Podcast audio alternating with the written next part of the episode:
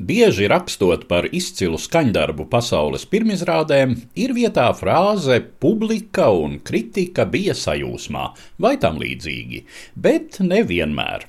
Austriešu komponista Antona Bruknera 3. simfonijas reminorā pirmatskaņojums Vīnē 1877. gada 16.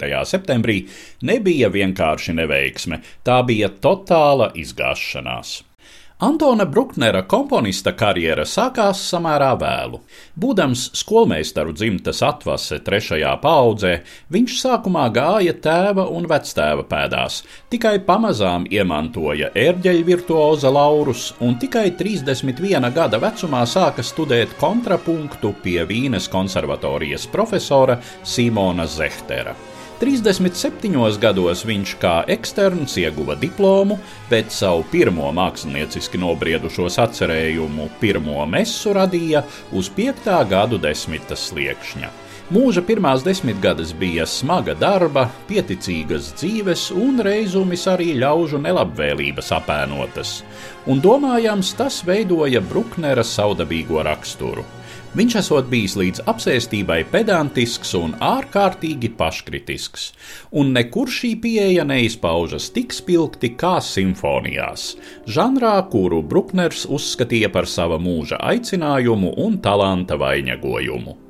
Pirmo un otro simfoniju viņš turpināja pārrakstīt līdz pat mūža beigām, un starp šīm divām tappa vēl arī tā sauktā nultā simfonija, kuru komponists atzina par nederīgu un uz visiem laikiem nobāza atvilknē.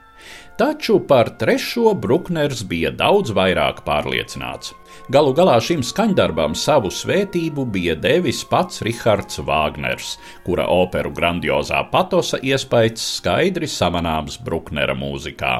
Komponēšanas sākuma posmā Brukners bija devies uz Baireitu, kur pēc ieilguša vakara pie alus kausiem viņa apbrīnotais romantisma lielmeistars bija atzinis trešās uzmetumu par labu esam.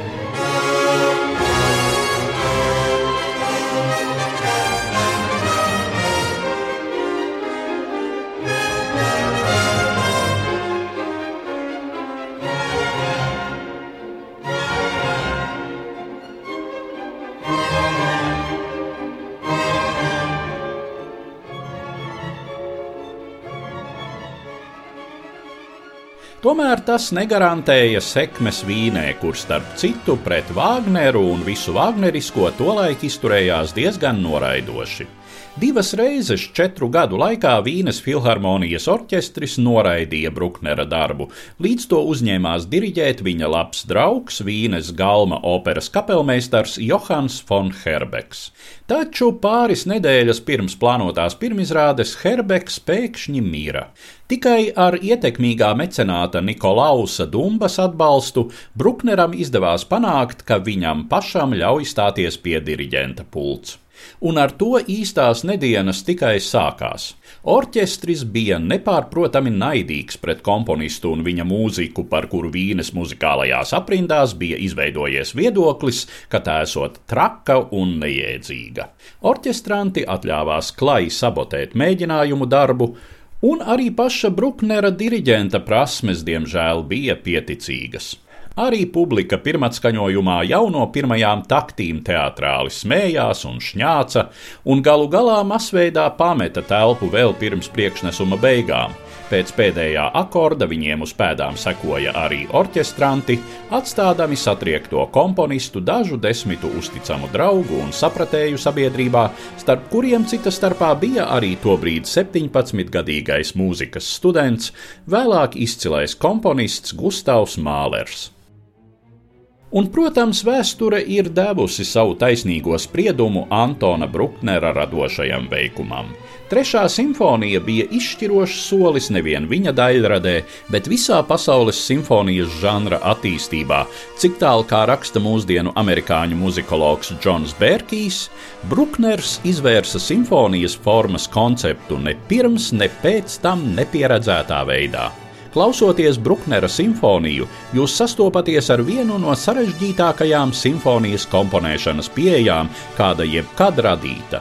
Studējot Bruknera partitūras, pētnieki turpina atklāt viņa radošās loģikas daudzšķautņainību.